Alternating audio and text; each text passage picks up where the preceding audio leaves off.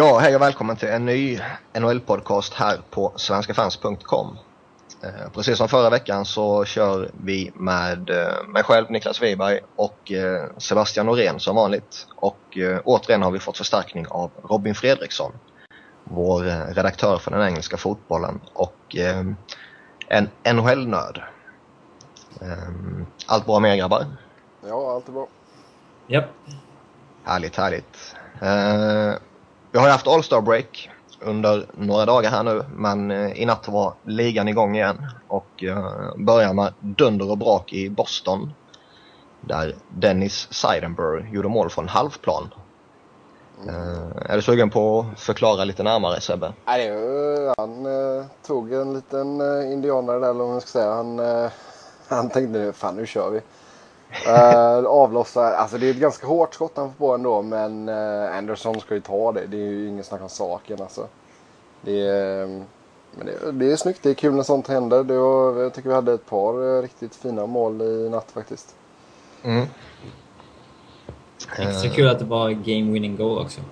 Ja, Anderson kommer inte sova gott i natt om man säger så. Han får ta sig en några klunkar whisky så somnar han kanske med av det. Ja, exakt. Annars såg vi ju både Minnesota och eh, Toronto tappa 4-1-ledningar. Um, där Nashville respektive Pittsburgh smällde in många mål på sista periodens uh, sista hälft. Uh, och där både då Predators och Penguins uh, så småningom vann. Um, Philadelphia kan ju fortfarande inte vinna på straffar. Nu blir det 1-2 torsk mot Winnipeg. Eh, och man börjar undra vad, vad som egentligen gör att man inte vinner straffläggningen. Om det bara är träning eller om det är en inställningsfråga i den eller om man tar för lätt på det liksom eller någonting. Jag vet inte. Kanske, det kanske är dags att byta straffläggare? Ja. Uh, nu har jag faktiskt inte kollat vilka som la straffarna för... Det var Couturier, Couturier, Giroux och Jagr. Ja, det är typ de som har snurrat där. Tre helt okej okay spelare. Ja, verkligen. Och jag menar varken Giroux eller Jagr är ju liksom dåliga på straffar så. Borde vinna mycket på straffar, tycker man. Man tycker det, med tanke på att det är ändå några alltså, schyssta lirare. Nu var ju Danny Breer borta, men han är också en uh, hyfsat stabil straffskytt. Tycker man. De får, de får ta in uh, Kvalchuk. Ja, det skulle vara det va? Han är bra på straffar. ja, i och för sig. Men jag har hellre Ben Holmström i, i fjärde kedjan som går in och tar straffar än Ilja Kovalchuk. Jody Shelley kanske är nya powerforwarden vi söker efter. Nej, men Kowalczyk eh, på tal om straffar nu då i och med att äh, även äh, Devils gick till straffläggning mot äh, New York och eh, tog hem en eh, 4-3 vinst där då. Så eh, Kowalczyk, mm. jag tror han är 8 av 9 i år. Det är ju helt okej. Ja, jo, det är ganska bra. Colorados strafffacit är helt sjukt i år. Eller ja, tidigare också. De har ju typ vunnit 19 av de senaste 20 eller något sånt. Ja. Eh, och sätter 60 procent av sina straffar. Det är ju... Ja, det är riktigt bra. Det är starkt. Det är, en, det är det enda Varlam har varit bra på också. Eftersom han, eh, han släpper ju alltid returer på straffarna så behöver han inte... Nej, det är i och för sig sant. Mm. Ja, nej, men om man tänker om vi går tillbaka till uh, Minnesota och uh, Toronto där så alltså. Jag såg stora delar av Pittsburgh, Toronto och jag menar Gustavsson var inte bra. Så det förvånar mig inte direkt att Pittsburgh kom tillbaka. Um, sen hade Toronto lite oflyt i med att de fick ett ett helt regelrätt mål bortdömt eh, vid ställningen 0-0 då. Det hade, det hade ju kunnat ändra matchbilden, man vet aldrig.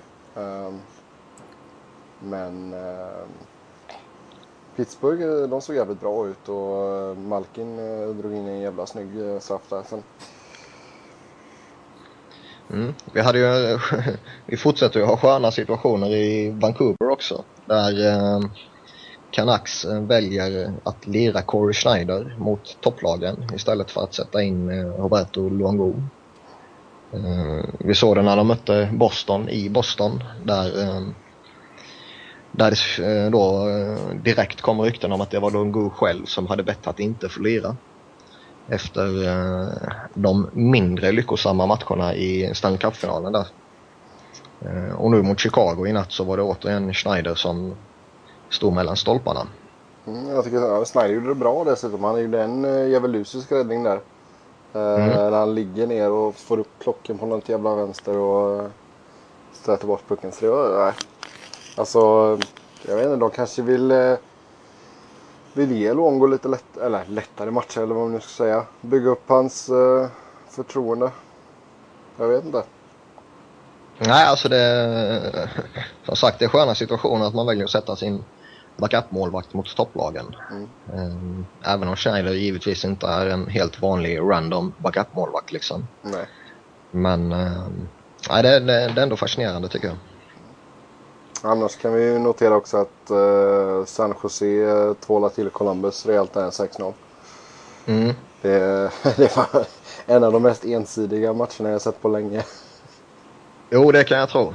Uh, sen är ju Blue Jackets är ju knappt något motstånd nu för tiden.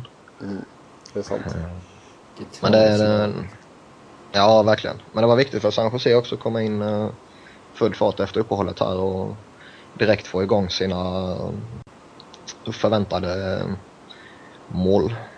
Uh, skyttar. Ja. Både Marlö och Pavelski och sen så klev ju Joe Thornton in med två mm. fullträffar också. Eh, annat snack från natten är ju annars eh, att Pittsburgh eh, släppte lite nyheter eh, angående Sidney Crosby. Eh, där han, har, han har ju flängt runt eh, hela USA senaste tiden och träffat den ena läkaren efter den andra och allihopa har ju i praktiken sagt olika saker liksom. Men eh, nu har de kommit fram till att han har eh, soft tissue injury i nacken och det borde väl vara vävnadsskador då tycker man. Och att det kan eh, ge honom hjärnskakningssymptom också. Eh, så vi får se vad som händer med honom. De eh, har fortfarande inte någon eh, koll på när han kan tänkas vara tillbaka. Ehm, men det, det, är alltså, det, det är ändå oroande att eh, de inte kan hitta vad som är problemet. Om detta nu stämmer att det här var problemet så har det ju tagit väldigt, väldigt lång tid innan något kunde konstateras. Ja, det är lite konstigt och just det att han har liksom träffat flera specialister och, och allt möjligt eh, och ingen riktigt har liksom lyckats säga exakt vad det är för något. Vi vet ju fortfarande inte riktigt vad, eller visst soft tissue issue, ja okej, ja, okej. Inte jättespecifikt heller. Nej, det är inte det. Alltså det är... Jag vet inte. Det är väl bara att hoppas att det... Det liksom en lindrigare skada än om man skulle fortfarande ha hjärnskakningssymptom. Liksom. Mm. För jag menar, De är övertygade om att han kommer komma tillbaka i alla fall. Bara mm. han blir frisk. Ja, det är ju bra det i alla fall. För det är, det är ju det är ju tråkigt att ligans bästa spelare är skadad så mycket. Ja, givetvis. Tycker du det på riktigt Niklas? Nej, men för att inte få för mycket uh, skit slängt på mig så håller jag med. Nej, alltså som Philadelphia-supporter så möter man ju hellre ett Pittsburgh utan Sidney Crosby än ett Pittsburgh med Sidney Crosby. Men uh, givetvis är det ju jättetragiskt, uh, det som har hänt honom. Ja, det är ju inte så att han är... är killen är fortfarande ung liksom. Det är, det är inte så att han är på dekis direkt. Nej, nej, nej. Han har ju en fantastisk karriär framför sig om han bara blir frisk liksom. Eh, annars hände det ju inte jättemycket under veckan som gick här nu i och med det var All-Star-uppehåll. Men eh, vi kan tycka lite All-Star kanske. Vi såg ju Team Chara vann ju matchen med 12-9 över Team Alfredsson. Eh, Marian Garbruk blev MVP efter 3 plus 1. Daniel Alfredsson fick eh, schyssta hyllningar efter att ha blivit målskytt och eh, Scott Hartnell delade ut matchens enda tackling. Så det var ju en fantastiskt underhållande match. Eller inte. Som sagt, de har ju, de har ju tappat all, all appeal. I alla fall för min del. Jag såg glimtar av matchen men eh, jag kan inte säga att jag var så jätteintresserad av, av det jag såg heller. Liksom, det, är, det är ju träningshockey. Ja, knappt ens det liksom. Um, jag har inte sett någonting av det utan jag har, jag har inte orkat bry mig om det. Um, Däremot kan ju skills competition vara lite häftigt ibland. Ja, och vi fick faktiskt en uh, svensk vinnare. Du kan utveckla lite kanske Sebbe? Ja, jag kollade på Skids Competition i alla fall. För det tycker jag är kul när de får visa upp sig. Karl Hagelin vann ju snabbaste spelaren och det... Jag tycker inte att det var så jätteoväntat. För jag har ändå sett honom ett par gånger i år och även sett honom live. Och det är, är helt sjukt hur snabb den här killen är. Så det, det var kul. Och ja, vem vet. Vi kanske ska, jag vill verkligen pusha för att du ska kalla honom för Swedish Flash. Så uh, det, det blev lite hashtags och grejer på Twitter och sådär. Så, nej men det var kul. Och sen, eh, jag menar Chara 108,8. Vad blir det kilometer i timmen? Ja du, det är du som bor i USA så det är du som ja, borde ja. kunna det. Ja, det är jag som borde kunna det. Ja, nu vet jag inte. Men i alla fall 108,8 miles per hour. Jag vet att 100 miles per hour är 160 kilometer i timmen. Mm. Så eh, ja, ni som är mattesnillen där som lyssnar kan ju räkna ut resten. Det är hårt som fan i alla fall. ja det är det. så, mycket, så mycket kan vi Ja, konstatera. han visar även prov på det i natt också. Han dundrar in ett skott från blålinjen också. Mm. Det, Ja, det krävs lite stakar för att slänga sig framför honom och täcka skott alltså. Ja, för fan. Jag hade bara nej, nej, nej. nej. ja. Um, annars ser vi ju den ena försvararen efter den andra försvinna från uh, marknaden inför trading deadline. Förra veckan såg vi ju François Boucher John Michael Lyles och uh, nu var det Tim Gleason, Carolina, som uh, förlängde med Hurricanes. Fyra år, fyra miljoners cap hit. Uh, vad säger ni om att Gleason stannar i Carolina? Det är ju bra för Carolina. Ja, det det är verkligen? få, få vettiga backar de har. Så. Jag tror att det är nog många lag som hade velat eh, som hade kunnat ge upp en del för honom annars. Oh ja, han sades ju vara väldigt, väldigt eftertraktad och eh, att eh, Hurricanes eh, kunde få ett väldigt bra pris för honom. Eh, han gör ju inte så jätte, jättemycket i offensiven men eh, defensiven är ju klockren tycker jag och det var ju en av Eh, en handfull backar som jag ville skulle förstärka Philadelphia kanske. Eh, men nu får man se ett annat håll istället. Eh, annat nytt från Carolina är ju annars att Tomo Roto mycket väl kan bli tradad den här veckan enligt flera rykten. Och han är ju kommande UFA med 3,8 miljoners cap hit så det borde ju vara flera lag som är intresserade av honom tycker man. En perfekt komplementspelare inför ett slutspel. Ja, det kommer väl vara de lagen som mer eller mindre vet att de kommer ta slut, slutspel som kommer vara intresserade. Ja, alltså det, det känns som det är topplagen som har lite löneutrymme som vill boosta upp sin eh, topp 6 eller topp 9 kanske. Mm. Eh, jag kan väl se eh, Rangers, Boston, Pittsburgh, Philadelphia har också ryktats lite om. I Eastern, eh, i Western så eh, Detroit, Vancouver, San Jose sägs ju vilja förstärka sin topp 6 och Nashville eh, har nu kopplat samman lite med honom också.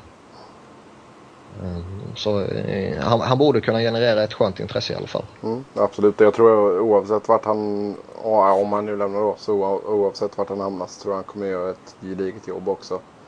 Så det, Oh ja. så det, jag tror det kan vara kul för honom också att få en ordentlig chans. Mm. Vi fick ju sköna rykten under eh, All-star eh, eh, helgen också när Ryan Suder gick ut och sa att han inte vill förhandla och förlänga med Nashville innan trading deadline utan han vill lägga full fokus på spelet.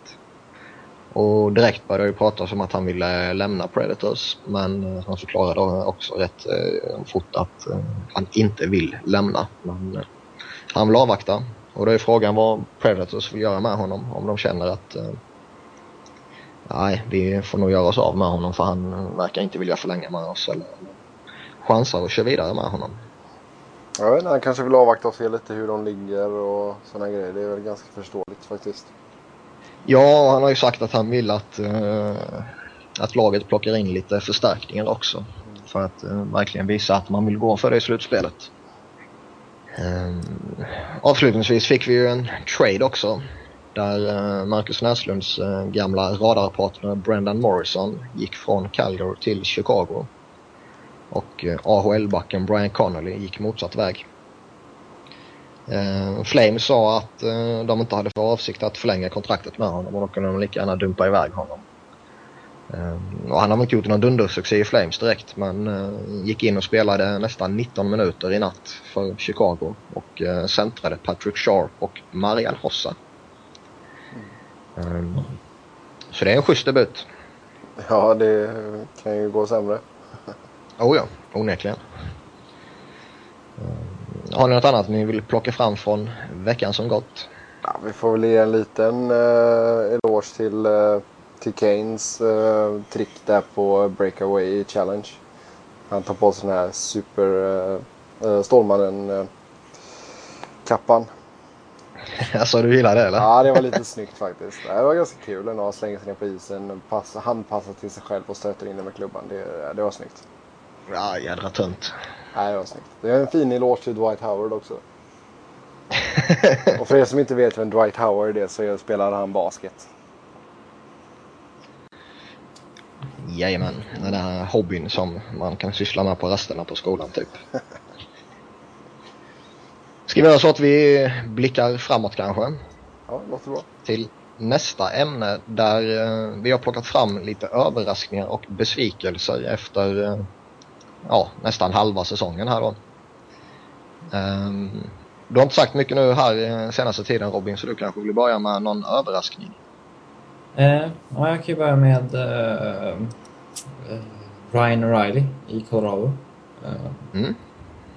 Som, eh, han är visserligen ung och så, man förväntar sig väl en viss utveckling men eh, jag tycker att han, att han har varit lagets bästa center. Betydligt bättre än eh, Statsny och Duchene. Och ligger väldigt högt i takeaways. Det är väl bara han som matchar Datsuk just nu. Har redan slagit karriärsbästa i poäng. Eh, det är väl han som, det är väl hans kedja som leder laget just nu. Eh, han, Landeskog och Hejduk. Eh, och han kan nog bli riktigt, riktigt, riktigt bra om några år då, för han är fortfarande bara 20 år. Mm. Jag vet inte vad ni tycker om Ryan O'Reilly. De har ju en skön ung stomme på gång där bland forwards i alla fall, Colorado. Uh, och som du, som du nämnde då, Landeskog och O'Reilly tillsammans med framförallt Duchene då kanske och till viss del Stasny som också är uh, relativt ung fortfarande. Ja. Uh, så det, ja, de, de går en spännande framtid till mötes. Sen tror jag som jag sagt tidigare att det kommer nog inte bli mycket gjort det här året och kanske inte nästa år heller. Mm. Nej, det är som sagt det är en, det är en ung lovande spelare och jag menar 20 år gammal och men han tar ju han är ju som sagt redan slått sitt poängbästa och det är drygt 30 matcher kvar liksom så det är, det är bra gjort. Ja, ja Ja, det är verkligen. en, spelare jag håller väldigt högt i alla fall. Ja. Vill Sebbe plocka en av sina överraskningar kanske? Ja, vi kan väl börja med svenska temat. Eh, Erik Karlsson. Mm. Uh, alltså han har ju varit bra ända sedan han kom in i ligan. Det, det är väl inget snack om saken. Uh, men uh, han har redan gjort tre poäng mer än man gjorde förra året. Och den största skillnaden är att när förra året så slutade han på minus 30 plus minus. Och nu ligger han på plus 6. Det, det visar att- ändå så att även fast han inte är bästa def i defensiven så har han ändå så skärpt till sig en hel del. För jag menar det spelar ingen roll hur många poäng du dunkar in om du ligger på minus 30. Nej, nej, nej. Han har utvecklat eh, defensiven, det har han. Sen har han fortfarande brister givetvis. Ja, men jag menar för- 48 poäng på 52 matcher av en back är ju det är, det är riktigt, riktigt bra. Men ju- Han leder väl rätt överlägset alltså poängligan med backarna i NHL. Det gör. Så det ja, vi får se. För alltså det hade varit jättekul om det fortsätter så här säsongen ut. Då, vem vet, då kanske han kan äh, Kanske att han kan vara med, eller i snacket om ligans bästa back kommer han nog vara med. Men sen får man ju se. Jo, men hans namn kommer säkert nämnas där i, i snacket om en Norris Trophy. Eh, Framförallt eftersom uh, folk uh, till stor del går på statistik när man uh, nominerar, så att säga. Men eh, Mike Green kunde ju aldrig vinna för att han var så virrig egen zon trots att han gjorde ja, enormt mycket poäng i Washington. Nej, nej, han, han vann inte men han var ändå med i snacket. Jo, Ja. sen så har ju inte de som... Ja, till exempel Lidström har ju inte varit i den kvaliteten som han har bruk, brukar ha varit. Eller vad man ska säga. Nej, det har han Nej, inte. Det är inte samma konkurrens i år. Nej. Ehm, Ehm, jag har ju också valt en back här faktiskt och jag har valt Brian Campbell, Florida, som eh, jag tycker han har fått en skön upprättelse igen här i, Panthers. Ehm, fick ju i mångt och mycket stå eh, i skuggan av Duncan Keith och Brent Seabrook i Chicago. Ehm, men nu får vi eh, äntligen se den försvararen vi såg för några år sedan. Och i Florida är han ju given första back och presterar också utefter det ökade förtroendet och eh, speltiden. Det har blivit 35 poäng på 48 matcher och eh, fortsätter han producera liknande siffror så ehm, kan han mycket väl gå mot karriärsbästa. Kontraktet kommer givetvis alltid för, följa honom i, när man börjar prata Brian Campbell givetvis. Eh, och det, det är ju inget vackert kontrakt med 7,1 miljoner capita och ytterligare fyra säsonger. Men i Floridas fall så, som vi märkte i, i somras så är nästan hans höga capita eh, faktiskt en nödvändighet. Jo, det är ju inte hans fel att han är så bra betald heller. Liksom. Nej, nej, skulle jag fått ett sånt kontrakt på bordet skulle jag också skriva Ja. på. Så, nej, men jag tycker du har rätt det, är, det är kul att se att han, eh, att han ändå så får stå i centrum eller vad man ska säga. Mm.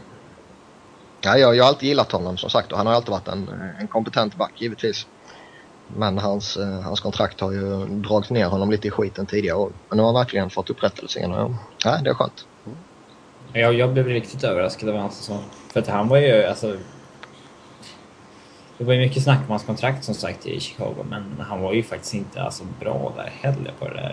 I alla fall inte på det sättet han har varit i Florida. Nej, han har ju hittat en helt ny nivå nu ju. Eh, Varför fick han ett sånt där kontrakt så här jätte, jättelångt på över 7 miljoner? Liksom?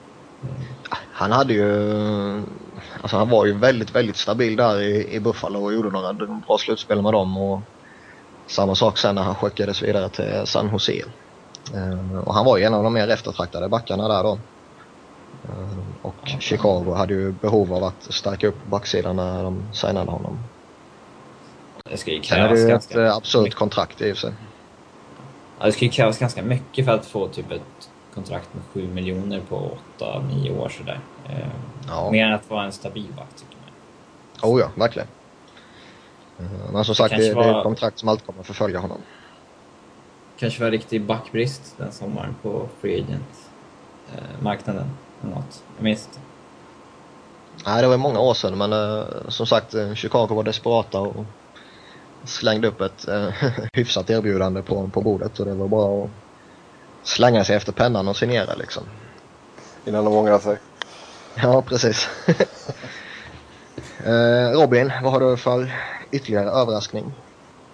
Eh, Jag har eh, Adam Henrique i New Jersey Devils. eh, Som jag inte trodde skulle gå så här bra i år. Han fick spela en match i Devils i fjol och gjorde 50 poäng i AHL. Det trodde jag inte skulle vara tillräckligt eh, ja, bra för att han skulle gå in och göra... Ja, han har gjort 35 poäng på 43 matcher nu. Eh, är väl en av lagets mest ledande spelare. Eh, han har inte varit bra i några junior-VM tidigare eller sådär heller, så jag... Så jag blev förvånad i alla fall. Han har ju verkligen givit eh, Devils en injektion här nu mot, eh, mot slutet så att säga. Det kan ju behövas när man har så här trötta stjärnor som Kovalchuk och... Ja. Jo, alltså det är, Ja. ju- Eh, det är ju en. Men alltså man har ju man har ändå så sett att han har varit... Menar, han satte ju upp ganska bra siffror när han var i, i, i juniorligan och sådär. Men eh, jag kan hålla med. Det är, det, är en, det är en väldigt positiv överraskning tycker jag faktiskt. Det är, det är väl som sagt, de behöver lite nytt blod. Ja, för de har ju, jag tror inte att varken Jakob Josefsson eller Tia Denby kommer att bli så bra som de hoppades. Liksom. Eh, då håller jag Henrike betydligt högre. Ja, absolut. Sebbe, tar du ett nytt namn? Ja, Brian Elliott, St. Louis Blues. Eh, alltså om man tittar på eh, fjolårssäsongen så eh, det är ju ens förvånande att han fick ett kontrakt. Det är, eh, jag menar han hade 89,4 i, i Ottawa. Sen när han gick över till Colorado så hade han 89,1 i räddningsprocent. Och det är, eh, men han hade två vinster på 12 matcher med Colorado. Det är, och, ja. jag, jag har aldrig riktigt sett honom som en bra målvakt. Och sen så kliver han in i St. Louis och eh, just nu har han 93,8 i räddningsprocent och 1,69 i Gold goal against average. Det är ju helt sjuka siffror. Ja, alltså har lite nollan 5 av 15 segrar. Mm. Eh, bara det är ju väldigt imponerande. Ja, det är alltså... Det är alltså som, som sagt, jag eh, hade svårt att... Jag, han, hade, han fick i och för sig något sånt här typ tryout-kontrakt eller någonting med St. Louis. Eh, och sen så fick han ja, den här tvåårsförlängningen då. Eh, så det en stor eloge till Brian Elliott. Verkligen. Jag är riktigt överraskad i alla fall. För att jag, jag följer ju Colorado och eh, när han spelade där i fjol så var han ju alltså, enormt dålig verkligen. Eh, och, eh, och både Ottawa och Colorado var ju ganska desperata där när de bytte. Ja, ja, ja ni får våran dåliga målvakt så tar vi eran dåliga och hoppades på det bästa bara. Eh, när de bytte Craig Anderson mot Brian Elliott. Eh, och eh, så blev det bara ännu sämre för att Elliot var kass. Men... eh, Ja, jag hade verkligen inte trott att han skulle gå så här bra. Nej, det har nog överraskat alla, inklusive han själv. Ja. Jag har ju plockat fram Jordan Eberle. Eh, Edmontons unga stjärnskott. Och eh, givetvis är det ju som sagt ett stort framtidsnamn och på ett sätt är det ju kanske en överraskning att ta han som överraskning så att säga. Men eh, att han skulle producera en poäng per match och eh, redan nu efter halva säsongen har överträffat eh, förra säsongens siffror. Det såg man nog inte komma. Eh, framförallt inte i Edmontons eh, svaga lagbygge utan det var kanske snarare en, eh, en eh, saftig sophomore slump man förväntar sig av honom. Eh, något sånt har man inte överhuvudtaget sett tendenserna till denna säsongen utan han har producerat på en hög och jämn nivå från dag ett. Och eh, även om det låter lite absurt att säga det om ett lag i, i fritt fall så eh, är det ju lite Eberle som har eh, Edmonton på sina axlar för tillfället. Ja, alltså han har, han har varit riktigt eh, imponerande. Jag tycker det är, det är starkt att snitta en poäng per match som eh, liksom under sitt andra år i ligan. Det, är- det är ju ingen snack om saken. Nej, och han har ju faktiskt fortsatt för producera också även fast eh, Edmonton eh, som sagt har eh, rasat rätt saftigt.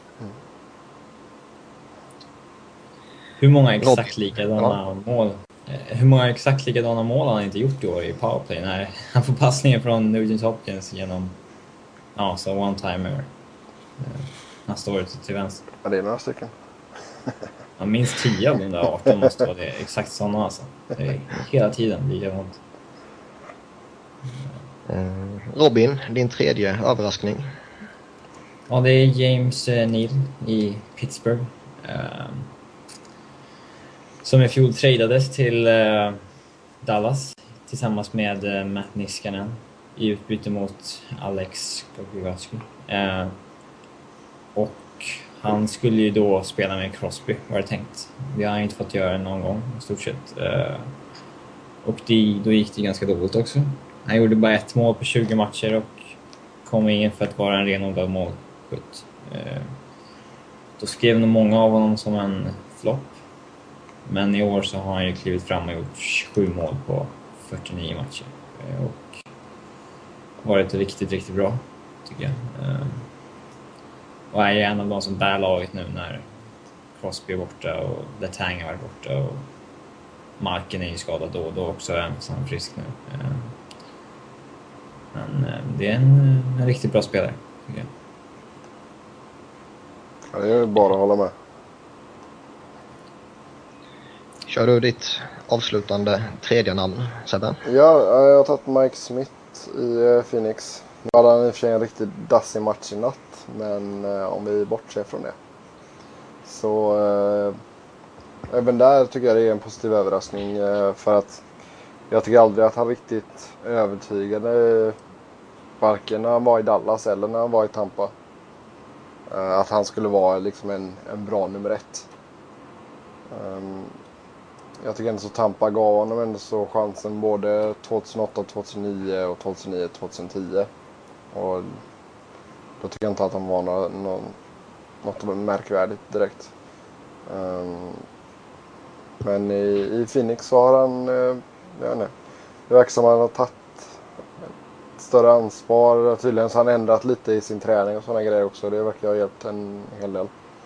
Just nu ligger han på eh, 92 i räddningsprocent och eh, 2,49 i goal against average. Och det är, jag tycker det är ganska bra för, för, det, för att vara i Coyote så. Det, ja, det är verkligen. Han är ju verkligen en av huvudanledningarna till att Phoenix fortfarande ens har en teoretisk möjlighet att nå slutspelet. Sen är det väl så också att det, det underlättar en hel del att vara målvakt i Dave Tippets uh, tänk, så att säga. Ja, ja, absolut. De är väl ett av de lagen som täcker flest skott. Om jag inte har helt fel. Mm. Så, Ingen eh, David Rönndahl får ju spela där precis. Nej, David kommer nog få eh, nöta lite i AHL tills han är van vid liten rink och tuffa till sig lite. Men eh, jag tror absolut att för att gå av på ett sidospår här så tror jag ändå så att eh, Phoenix tror verkligen på David och han kommer få chansen. Speciellt så ser de ju honom som en eh, spelförande back i powerplay. Så, eh, längre fram så att säga. Ja, men jag är Jo, inte han kommer säkert 50 etablera sig. Men eh, tror ni inte Tampa ångrar att de släppte Mike Smith nu? Det, jo, det gör de säkert. Men för- sen är ju frågan ifall, i och med att han har bytt målvaktstränare och lite sådana grejer nu. du- Man vet inte ifall han hade fortsatt på samma, Nej, samma väg som han hade tidigare i Tampa. Men eh, jag menar, skulle de få förslaget att få tillbaka Mike Smith nu så tror jag säkert att de skulle ta tillbaka honom med öppna armar. Ja, då, utan tvekan. De behöver ju en målvakt. Det ska gudarna veta. Eh, Sen om de kommer denna säsongen eller till sommaren, det är ju en annan femma. Ja. Eh, Mitt tredje namn det är ingen mindre än Scott Hartnell. Som, eh, han har alltid varit en stabil 20-25 målsskytt och, och god för eh, 40-50 poäng och sånt där de senaste åren. Men spelet på isen har inte alltid fungerat klockrent liksom. Han har ju haft, tidigare år har han haft en väldig tendens till att ramla titt som tätt. Eh, både vid kamper kring sargen och liksom eh, lättare dueller ute på isen och allt sånt där. Eh, det har han ju faktiskt eh, vänt nu till välgörenhetsändamål så att säga. Så han, eh, han är ju medveten om det och har gjort det till något positivt och, och liksom nu hånas han inte längre för det. Så det, det är också ett knep för att eh, slippa fansens hån. Det är väl som Men, eh, Dustin Penner och pannkakor. ja, typ. Ehm, nej, men alltså Scott Hartnell var ju ett av de här namnen som hela sommaren pratades om att eh, ja, men han får vi nog kanske göra oss av med för uh, hans stora cap hit uh, gör inte uh, alltså hans prestationen på, på isen rättvisa så att säga. Och uh, första matcherna under säsongen var ju bedrövliga. Då spelade han uh, i tredje kedjan. Och, Han fick alltså, bara gjorde 10 ingen- minuter per match. typ. Ja, ja precis. Och han gjorde liksom ingen nytta överhuvudtaget. Mm. Sen helt plötsligt chefade de upp honom i, i första kedjan med Claude Giroux och Jeremy Jagr. Och ja, sen har ju både han och, och firma Giroux Jagr eh, kommit igång fullt ut. Eh, redan överträffat förra säsongens siffror med 44 poäng på 49 matcher nu. Och fortsätter han producera i samma stil, vilket är mycket möjligt med tanke på att han lirar med Giroux och Jagr som sagt. Så så passerar han 40 mål och 70 poäng för första gången i så fall. Och tillsammans med James Neal som vi nämnde tidigare så är han ligans bästa powerplay-målskytt. Så det, det, det är väldigt skoj att se hans eh, på nytt vaknande om man ska säga så. Ja, jag tycker han är ganska kul att se på isen. Det verkar som att han är ganska bra på att tugga också. Ja, det är han. Han verkar vara en väldigt skön kille. Ska vi göra så att vi går vidare till besvikelserna kanske? Låter som en bra idé. Och Robin, kör du ditt första namn där också? Eh, ja, det är Alesh Hemski i Edmonton. Som visserligen var, har varit skadad mycket de senaste två åren, men han har alltid snittat eh, en poäng på match ungefär. Ja, när, han, när han väl har varit med. Man trodde ju att han ja, skulle ta ett ganska stort ansvar i Edmonton i år. Med tanke på att det är många unga spelare som man inte kan förvänta sig ska ja, gå in och leverera som, som de har gjort egentligen. Men eh, Hemska har ju varit en rejäl besvikelse och nu får han inte ens spela powerplay längre. Där, eller ja, nu, just nu får han det. Men han har ju varit petad stundtals och eh, där har han ju varit, alltid varit given tidigare. Eh, det var en spelare de kanske borde försöka trada bort. Sista, hans kontrakt går ut och han har en cap hit på 4 miljoner. Eh, om något lag vill ha chansen med honom inför slutspelet eh, så kanske de ska försöka trada bort honom. Det tycker jag ju så väldigt mycket om honom. Att, uh, att han uh, borde bli ett uh, attraktivt namn på marknaden. Uh, han har aldrig varit någon favoritspelare för, från min sida. Snarare tvärtom. Men det kan mycket väl vara en lirare som är värd att chansa på. Släng in i en, en toppkedja i ett topplag så kanske han exploderar igen så att säga. Han känns som en spelare som, typiskt sån här som Detroit skulle få en jäkla fart på. Eh, spela med Zetterberg då istället för Hoodley kanske. Ja, Red Wings eh, sägs ju vara intresserade av honom också. Men vad, vad sägs det att man ska behöva ge upp för att få honom då? Eh, Jag vet inte, jag har inte hört så mycket om just uh, Alesamski i, i det fallet så att säga. Men eh, personligen så skulle inte jag ge upp eh, mycket för honom så att säga. Utan det är något halvhyfsat eh, löfte kanske och något vettigt eh, draftval. Mm. Men som sagt, tror man på att eh, Hemsky kommer bli en saftig injektion i sitt lag, då är det ju kanske läge att slänga upp lite extra.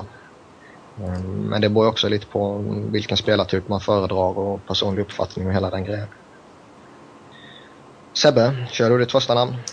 Ja, eh, vi kan börja starkt här då. Uh, Ilja Bruskalov i ditt kära Philadelphia Flyers. Eh, det är väl ingen större överraskning att, eh, att han ens får ses som en liten besvikelse om man jämför med hur han eh, ja, dels hur han målades upp inför när han kom till klubben och återigen det här med kontrakt och sådana grejer. Ehm, men jag menar liksom ha en räddningsprocent på 89,6 och en goal against average på 2,92. Visst, det kanske inte skulle vara sådär jätte, jättedåligt för en målvakt som spelar i ett mellan ner mot bottenskiktlag kanske. Men eh, för att vara i Philadelphia som, eh, som ska vara cuputmanare så, så håller det inte. Nej, alltså jag, jag hade ju med Bruskalov som besvikelse också. Mm, Och eh, det är ju som du säger, stat, statistiken är ju inte så jättesmickrande precis. Eh, det man kan säga om han eh, den här säsongen är väl kanske att eh, Alltså han har ju inte varit genomgående halvdan så att säga. Som statistiken indikerar på. Utan han har ju varit alldeles för ojämn. Mm. Antingen har han varit väldigt duktig och hans eh, statistik när han vinner är ju eh, väldigt stabil. Eh, men när han torskar så är den eh, Så är det rejäla. då är det rätt så saftiga siffror som det kan vara. Det kan vara liksom upp mot 5-6 mål och total kaos till, ja, som i natt liksom ett insläppt mål och sen förlust på straffar. Ja, exakt. Eh, men det, är- det är som du säger, han har ju varit en besvikelse givetvis och man har ju förväntat sig mycket mer av honom. Eh, jag har fortfarande förhoppning om att han kommer hitta formen i den här säsongen. Bara han, han kommer in ytterligare i laget och, framförallt så har han ju nästan hela säsongen haft rätt så bristande hjälp av eh, sina utespelare. Uh, Flyers team defense är inte klockrent alltid. Uh, men som sagt, börjar han inte uh, ordna upp sig här framåt slutet av februari och in i slutspurten då finns det orosmoln på himlen. Definitivt. Ja, jag tror det finns ju ingen... För, för det första så tycker jag inte att de ska göra sig av med honom redan. Nej, Men samtidigt så finns det ju, det finns ju ingen som kommer ta över det kontraktet. Nej, alltså det, ska man göra sig av med Bryskalov då måste man ju ta ett eh, lika eh, dant kontrakt tillbaka. Di Pietro kanske? det är fan ännu värre. Ska vi få Robin att du går vidare med ditt andra namn kanske? Ja, det är Drew Doughty i Los Angeles uh, Kings som uh, ja, hade en liten dipp ner i fjol. Han har ju riktigt bra OS-året och i OS där. Uh, men i år har han ju varit en riktig besvikelse. Eh, uh, skrev på ett saftigt kontrakt inför säsongen med en capita på 7 miljoner. Uh, har ju inte levt upp till den. Men, eh, han har inte blivit den, uh, tagit den här rollen i powerplay som han borde. Och har inte varit... Han har inte varit tillräckligt bra helt enkelt. Uh. Nej, det var kanske inte helt lyckosamt att missa training camp. Nej. Nej. Ja, det, är ju, det, är ju sorgligt, det är ju fortfarande sorgligt att han är poängbäst av uh, Kings backar. Ja, det... han, har, han har 22 poäng på 45 matcher. Uh, tre mål, 19 assist. Det ja, nej, det, som du sa där Niklas, det, det var nog jävligt dumt att han missade training camp där faktiskt. Ja. Eh, för det, jag menar, man, jag har ju inte så följt Kings länge och ser mer eller mindre alla deras matcher. Och jag menar, så bra som han var OS-året, det, det, potentialen finns ju där. Man blir ju liksom frustrerad när man kollar på dem nu. Och man tänker bara du skulle bara varit med på försäsongen. Du skulle bara varit med på försäsongen. Ja, alltså han bara i, i hyfsad form så har han ju potentialen för att bära fram en, en hel organisation. Mm. Och det gjorde han ju sitt första år också. Men sen dess är det ju som, som Robin sa har han ju inte, eller förlåt hans andra år menar jag givetvis. Men som Robin sa så har han ju inte riktigt lyckats leva upp till det under förra säsongen eller den här säsongen. Ja, han borde ju vara en Norris-kandidat liksom. Han har ju alla förutsättningar. Men uh... nej, nu är han inte ens nära. Nej. Nej. Ska vi göra så Sebbe att du tar ditt andra namn? Ja. Uh, Ryan Miller i Buffalo Sabres. Um, alltså det är vi jämför ju inte så hur med de har varit tidigare och sådär. Och jag menar Miller har ju varit outstanding i, i många år. Men eh, visst, nu kanske man kan skylla lite på att han har varit skadad och sådana grejer. Men eh, räddningsprocent på 90 procent och eh, goal against på 2,99. Det, det håller inte för att vara Miller, om man säger så. Um, Frågan är nu om man ens kommer komma över... Eh, om man ens kommer komma upp till 30 vinster. Det, det vet jag inte. I dagsläget känns det ju väldigt tveksamt. Mm. Nej, de ställer väl hellre Enroth i mål just nu. Som de har sett ut. Ja, alltså det har ju till och med börjat pratas om att uh, de ska trada iväg Ryan Miller. Och när det börjar pratas uh, i, så i Buffalo, då vet man att det är riktigt illa. Eh, med tanke på att han har gjort så väldigt mycket för dem under flera år. Mm. Kan byta mot Bruskalov. ja, det är ett alternativ kanske. Um, mitt andra namn efter nämnde Buriskalov det är Sebbes favorit Ryan Getzlaff. Uh, vi fick ju höra Sebbe gå på en ruggigt skön rant uh, häromveckan om Getzlaff. Men, uh, så han, han borde väl glädjas lite nu i alla fall. Eller vad säger du? Ja, jag kan vara med och ge lite skit.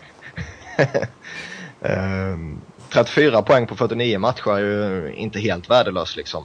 Men vi är ju vana vid att se Getzlav eh, snitta strax över en poäng per match. Eh, och åtta mål hittills är ju... Ja, det är bedrövligt. Det, man kan inte beskriva på något annat sätt. Um, hans produktion har i och för sig minskat lite sedan uh, de första åren. Men uh, nej, med, tanke, med tanke på hans fysiska kraft och hans skott så ska han göra betydligt mer mål. Och uh, likt de flesta i Anaheim den här säsongen så har det ju börjat ryktas som en trade. Eh, och det är ju sällan något positivt. Eh, han känns inte heller som den spelaren som ska leda ett lag. Uh, när han gick som bäst personligen så hade han liksom en Chris Pronger eller en Scott Niedermayer att luta sig mot. Men uh, sedan den fantastiska duon försvann från Dax så har uh, föga förvånande Getzlavs uh, prestationer blivit betydligt sämre. Ja, och nu ligger han på minus 15 dessutom, men det är ju helt bedrövligt. Ja, det är inte okej okay för en spelare av Getzlands kaliber. Eh, ska vi göra så att Robin tar sitt tredje och sista namn kanske? Ja, det kanske är ganska otippat namn för många, men uh, Eric Johnson i Colorado som de bytte till sig i fjol i tron att han skulle vara en All-star-back, typ. Uh, och han gjorde det väl okej okay de 20 matcherna han spelade liksom. Folk förväntade sig väl ingen succé på en gång. Han gjorde 10 poäng på 22 matcher och ja, det gick helt okej. Okay. Eh, så trodde jag att han skulle ta ett ja, steg i år och leda laget. Eh, han gjorde ett mål på 45 matcher eh, och eh, 18 assist och ett uselt plus minus på eh, minus 15 eller minus 20 eller något sånt där. Eh, det är ju inte värdigt en kille som gick som etta i draften för några år sedan. Och eh, Colorado gav ju upp väldigt mycket i fjol för att få honom också. Eh, både Kevin Chattenkirk och eh, Chris Stewart. Ja, det har varit en riktig flopp. Ja, han har inte alls levt upp till den hypen som var kring honom de tidigare åren. Och det känns väl som att han kommer få väldigt tufft att, att göra det i framtiden också. Hans kontrakt går ut också. Det blir intressant att se vad han tycker själv att han är värd i lön. Det kan bli sköna förhandlingar där. Jag, vet, jag är inte säker på att han blir kvar i Colorado. Uh, Vågar man ge upp om honom redan nu då? Med tanke på att, eh, som du sa, man gav upp rätt mycket för honom. Ja, det beror på. Alltså kräver han för mycket pengar så... Visserligen så har ju Colorado typ 30 miljoner i utrymme. Uh, var ju tvungen att ge Landeskog maxbonusar och skit för att ens komma över lönegolvet. Ehm, mm. Men äh, de, de har väl råd att ge en ganska mycket lön, chansen. Men ett tag till. Men jag tror inte mycket på honom alltså. Han har börjat få, han har börjat kapa, de har kapat speltid rejält på den senaste tiden också. Mm. Men Robin, du som en som följer Colorado, vad, vad har han fått för roll i laget? Alltså, de, de började med att spela honom liksom 30 minuter per match och alltid i powerplay hela tiden. Och som att han skulle vara en lagets ledande back. Liksom. Uh, han har bara varit allmänt dålig. Liksom. Riktigt klen ut och bidrar inte offensivt. Eller, ja, jag vet, han är, han snudd på healthy scratch några gånger. Han är en ganska saftig bit ändå.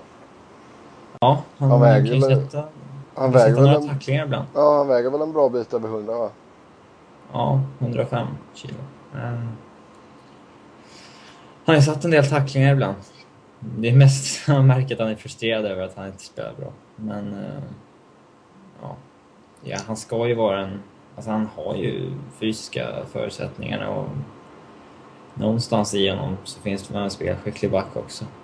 För ja. det fanns ju en anledning att han gick som etta i draften liksom. Men just nu... Ja. ja, för jag tycker ändå att han gjorde ganska bra, eller helt okej okay från sig ändå under sina två första år i St. Louis. Det är, jag menar 33 poäng, 39 poäng. Det är ju inte dåligt. Nej, om man räknar bort det där året han var helt borta. Mm. Det är intressant att veta hur bra han har varit om han hade spelat det. Uh, och någon riktigt skum olycka va? Uh, han välte med en golfbil typ. Det ryktas om att det är en mörkläggning, att det var någon, eh, att det var någon eh, typ fyllegrej eller några sådana saker. Eh, med tanke på att det låter som en, som du säger, en väldigt konstig skada. Volta med golfbil, det är alltid kul. Ja, alltså det är ju en jädra kraft i de bilarna så det gäller ju att passa sig när man är ute och flänger runt där. Ja. Ska vi göra så Sebbe att du tar ditt eh, tredje sista namn? Ja, eh, Martin Havlat, eh, San Jose Sharks.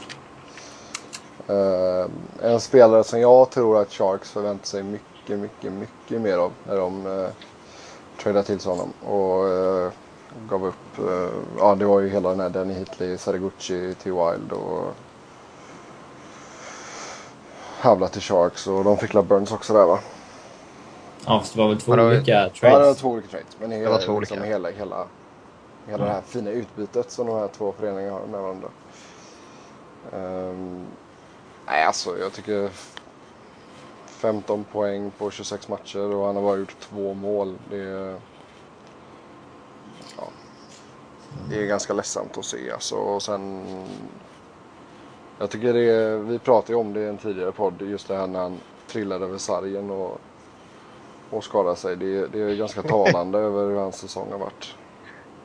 Alltså man kan ju inte sluta skratta när man Nej, nej, alltså bara det- det talar är- som det. Det, är så, alltså det klippet är så jävla roligt. Så det är, Ja, Mår man lite så här halvdåligt på morgonen så slå på det så får ni ett gott skratt. verkligen.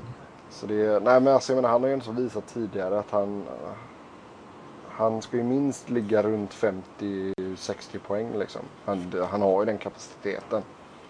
Ja, verkligen. Ja. Ska vi snarare göra mer i ett lag som San Jose också? Ja. Så det, det, är, det är lite förvånande faktiskt. Ehm, och, eh, Dålig trade. Hittills. ja, men samtidigt så vet man ju inte riktigt hur... Jag Ja, menar, jag, Heatley var ju överbetald och... ja, Hitler var överbetald och tydligen ganska grinig och sådär. Så det... De var nog inte så glada att bli av med honom. Men eh, som sagt, de har nog förväntat sig mycket mer av Havlat. Och det... Jag tror inte Sharks fans är så jättenöjda med vad han har presterat så här länge. Nej, alltså han har ju ytterligare tre år kvar på sitt kontra- kontrakt med 5 miljoners cap hit. Mm. Fortsätter han och att inte göra några mål och uh, bli skadad titt som tätt så kommer ju han bli väldigt bespottad i San Jose. Ja. Mitt eh, tredje och sista namn är Ville Leino i Buffalo.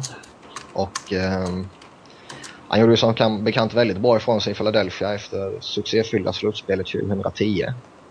Eh, kom i somras med lönekrav som Flyers inte kunde gå med på. Och det har ju i efterhand visat sig vara helt rätt agerande för han har ju han är ju så dålig i Buffalo nu så det finns ju inte. Eh, han fick ett absurt kontrakt av dem och eh, har inte gjort ett dugg.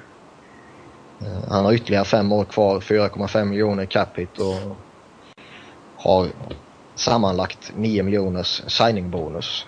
Så Terry Pegula och Darcy Rogier borde ju gråta sig till sömns var och varannan kväll tycker man. Fyra mål har det blivit hittills på 39 matcher och sen kryddat med åtta assist. Och det, alltså det, det, det är bara helt värdelöst. Jo men där kan vi snacka hybris.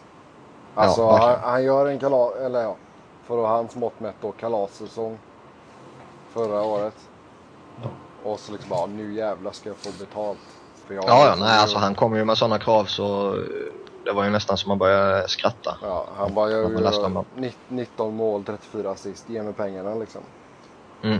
Och så, Nej, det är som är en enda grundserien han har presterat också liksom. ja, ja, det är helt sjukt att han får de pengarna av uh, Buffalo. Ja, det är inte så att han har visat att han ligger på 50 poäng i... Ja, att han har legat på det 5-6 år och att han alltid gör det. Liksom. Han har ju gjort det en gång. Ska... Han är ju dessutom... Han är 28 år liksom och så har han kontrakt där i fem år. Så, nej. Han har haft ett bra slutspel och en bra grundserie. Ja. Mm. Så att... eh, Men jag menar han uh, skrattar ju säkert hela vägen till banken. Det borde han göra, definitivt. Ehm, och som sagt, jag är ju hur nöjd som helst av att man eh, släppte honom och, och tittade på Jaromir Jagr till exempel istället. Ska vi göra så att vi nöjer oss med besvikelser och överraskningar där så länge och eh, tittar tillbaka lite i historien kanske. Eh, vi brukar ju alltid eh, avsluta varje podcast med att lyfta fram några eh, sköna profiler som har spelat i det tröjnumret som den här podcasten är. Förra veckan var det nummer 20, nu har vi kommit till nummer 21. Ehm, och det är ju några hyfsade svenskar som har burit detta sköna nummer. Och då menar vi ju inte Patrik Berglund eller Louis Eriksson. Eller Mattias Ritola heller för den delen. Eh, utan det finns ännu några större. Eh, Robin, vad börjar du med? Uh, Börje Salming. Uh, som uh, var den första svensken, eller europeen överhuvudtaget, att lyckas i NHL. Uh, och han gick till Toronto 1973. Uh, hade en riktigt bra rookiesäsong han gjorde 39 poäng och hade plus 38. Eh, jag stannade sedan 16 år i Toronto eh, och är eh, ja, den bästa målgörande backen de har haft. Eller han har gjort mest mål av alla försvararna i Toronto genom tiderna. Och eh, ligger etta i assistligan i hela Toronto. Eh, och han blev utvald i sex All-star-matcher under tiden där och eh, sen så avslutade han tyvärr med ett år i Detroit. Lite tråkigt kanske. Och framförallt så avslutade han med tre år i AIK i eh, Sverige. Men... Det måste, det måste smärta. ja, det var lite tråkigt. Men... Eh, ja. Han kunde ju lagt av. Han var ju 39 typ. Ska han spela tre år i AIK? Men... Eh, ändå en spelare jag, jag gillar väldigt mycket. Um, det är coolt med svenskar som har blivit riktigt, riktigt uppskattade i NHL. Ja, han är ju helt avgudad där borta ju. Sebbe, jag förstår att uh, du har valt Espen Knutsen. Ja, schampo. Nej, det blev uh, faktiskt uh, Peter Forsberg. Oj, oj, oj. Ja, oväntat. Väldigt oväntat. Det är nog Mycket. den, den minst oväntade på den här listan någonsin tror jag. Ja, det Eh, känns... Nej men alltså det, det är en av de bästa spelarna vi har haft genom tiderna. Det, sen är det tråkigt att det blev så jäkla mycket eh, lägga av, kom tillbaka, lägga av, kom tillbaka i slutet av hans karriär. Men eh, om vi går tillbaka i tiden så eh, han kom ju till Quebec som en del av hela den här Erik Lindros eh, soppan. Mm. Han var, han var ju draft. Draftad av eh, ditt kära Philadelphia till en början.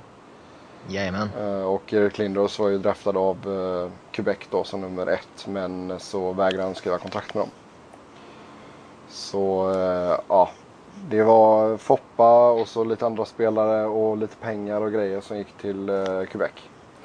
För Erik Lindros. Ehm, han eh, debuterade för eh, Quebec eh, sista säsongen när de var Quebec.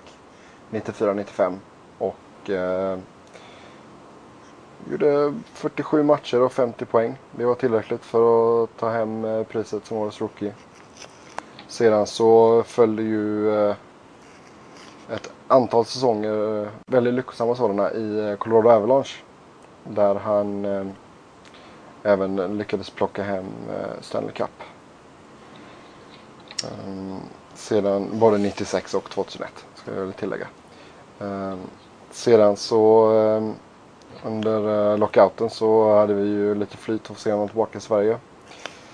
Ehm, men sedan efter lockouten så istället för att gå tillbaka till Colorado så blev det faktiskt att han eh, spelade för Philadelphia Flyers. Och eh, även där gjorde han bra ifrån sig tycker jag. Han, eh, 2005-2006 då. Så eh, 75 poäng på eh, 60 matcher och sen 40 poäng på 40 matcher det efterföljande året. Ehm, Men eh, han blev eh, traded till Nashville av någon konstig anledning.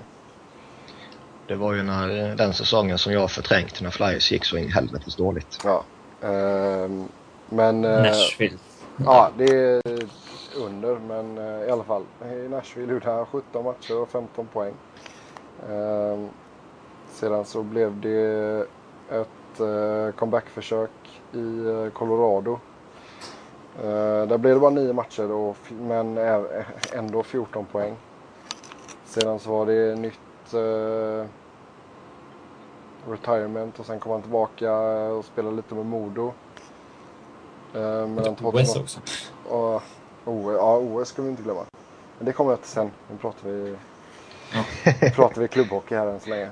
Ehm, så blev det lite spel med Modo där. Bland annat så hade han ju eh, 30 poäng på 23 matcher eh, 2009-2010. Sedan så blev det ännu ett comebackförsök i Colorado. Men eh, efter två matcher så eh, tackade han för sig. Ehm, För gott. Ja, för gott den här gången. ja. Eh, Men det blev 708 NHL-matcher, eh, 885 poäng förde- fördelat på eh, 249 mål och 636 assist. Ehm, han har ju vunnit en hel drös med eh, medaljer med landslaget. Bland annat då eh, klassiska OS-guldet 94 där med en av de bästa straffarna genom alla tider. Och eh, sedan då även ett olympiskt guld 2006. När vi, ja det måste väl vara ett av de bästa landslagen Sverige någonsin har ställt på isen tror jag. Ja, det var ju hela gyllene generationen var med. Ja, det är ju helt otroligt lag. Um, sen gjorde han eh, sju stycken All-Star-matcher, om jag inte är helt fel. Eller gjorde han åt- Nej, han gjorde sju stycken All-Star-matcher. Ehm, men som sagt, det var ju det var mycket skador i hans karriär tyvärr. Det var, det allt från fötter till eh, brutna handleder och... ehm, vad var det mer? Åkte inte han på någonting med typ Brusten mjälte och ja, grejer. mjälte och grejer. Ja. Han inte visste vad det var ens när han låg på sjukhuset. Ja. När de skulle ta bort den. Han sa ja, gör det. Sen så ringde journalisterna och sa hur känns det att ha tagit bort ett organ? Han bara va? Jo, det minns jag. Han visste inte vad spleen betydde på engelska. Nej.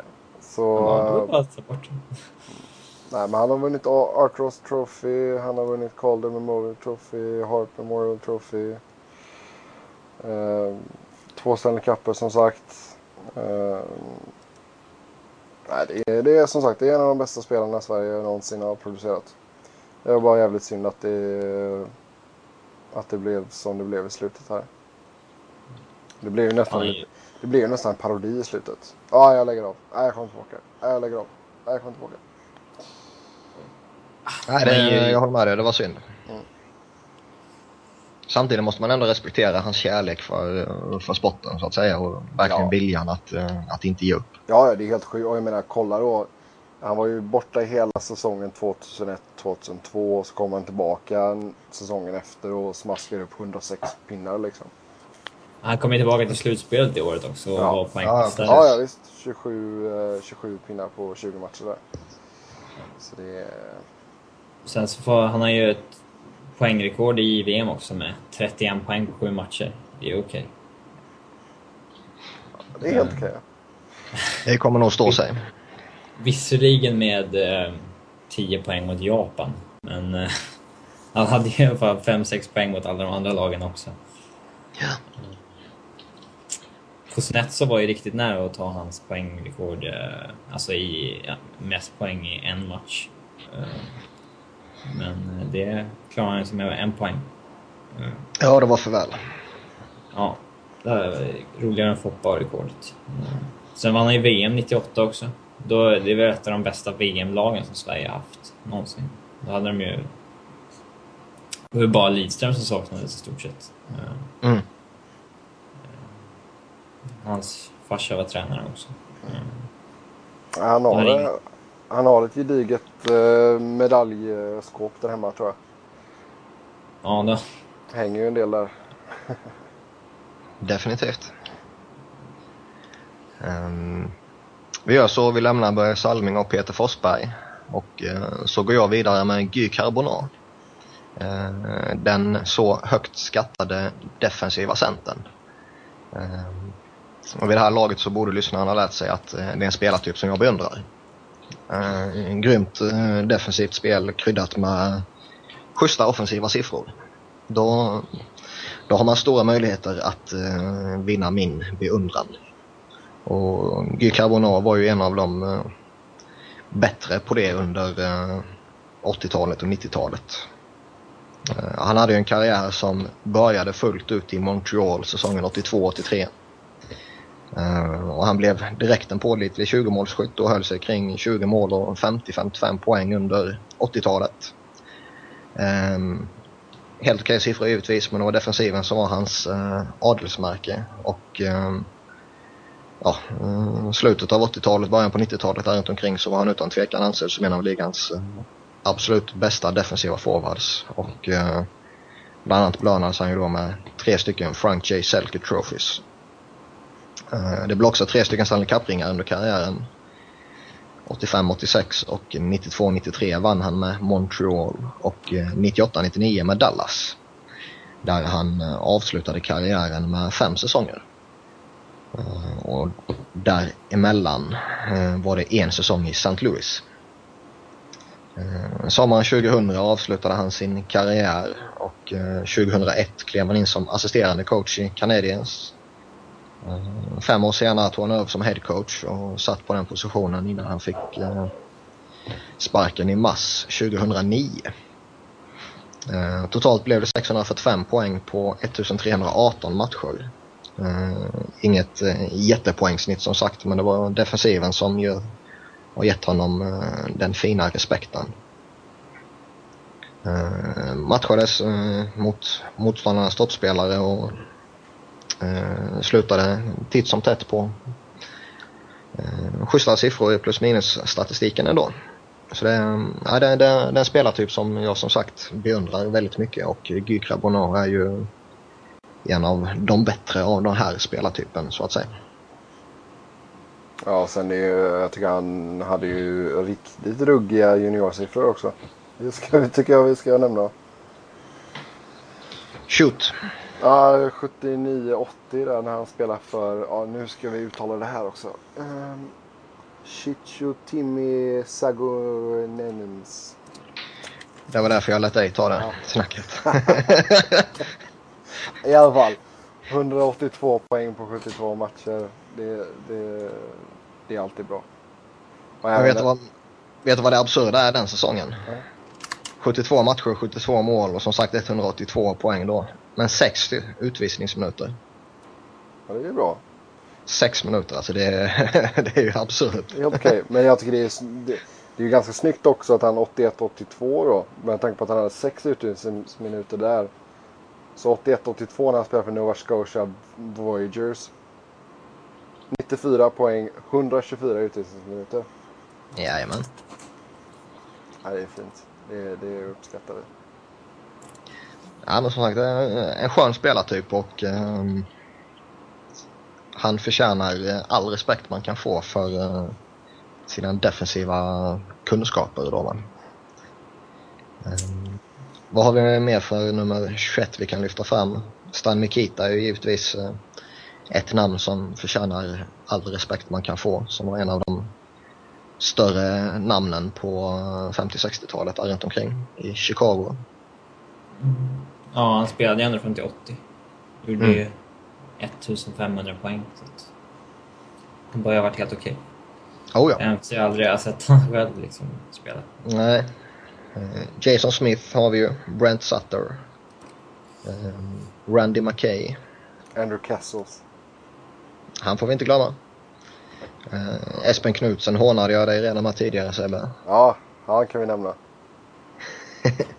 Vincent Dampus spelar en säsong också i 21. Jajamän.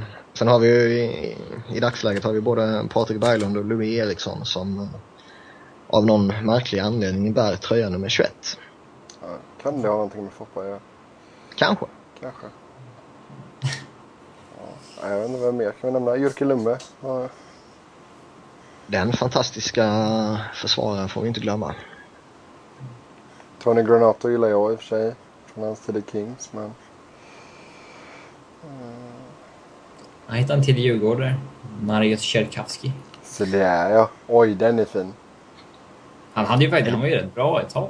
Eh, gjorde väl 70 Ja, poäng. verkligen. Vad har vi mer för svenska? Andreas Johansson. Hedenby också. Den är väl Olli Jokinen har spelat i 21. en tragisk spelare. Det är. Olli Jokinen. Ja, det är inte den snyggaste spelaren i alla fall. Ja, men hur kan man... Alltså det är ingen slump att man... eh, Ja, lite slump är det kanske, men han har väl... eh, Hur många matcher har han spelat innan han fick spela en slutspelsmatch? Det... Man är ingen vinnare direkt. Han har spelat sex slutspelsmatcher i hela sin karriär och han har spelat över tusen grundseriematcher. Då, Det är stabilt eh, värre. Då spelar man nog bara för lönechecken fortfarande. Man kan ju, eller om man tror att han kan vinna någonting på senare år, men... Ja. Och så är det tröttsamt att spela i de sämsta lagen hela tiden. Christian Rutto. Där har vi en lirare. Utan tvekan. Känner vi oss nöjda med tröja nummer 21 där kanske? Jag tror det va? Om vi inte Ja. kan hitta något annat roligt. Nej, det skulle vara James Holmgren-stack, men eh, han är skadad nu så han skippar vi. Nej. Uh, Ser- Dan Bals. Ah, Sergej. Zubov. Ja, och det finns några stolpskott. Nej, det är dags att avsluta för denna veckan kanske. Japp. Ni vet ju som vanligt kan ni följa oss på Twitter och lämna kommentarer där om ni vill eller mejlledes eller i kommentarsfältet till artiklarna när den kommer ut under dagen sen. Eh, ni kan följa mig på Niklas Wiberg, Sebbe på Seb Norén och Robin på R. Underline Fredriksson. Eh, och där kan vi tugga gott NHL. Sen blir det väl något smutsigt Liverpool-snack här och där hos Robin. Ja. Därmed tackar vi för oss. Ha en fortsatt trevlig vecka. Hej då. Ha det gött! Hej.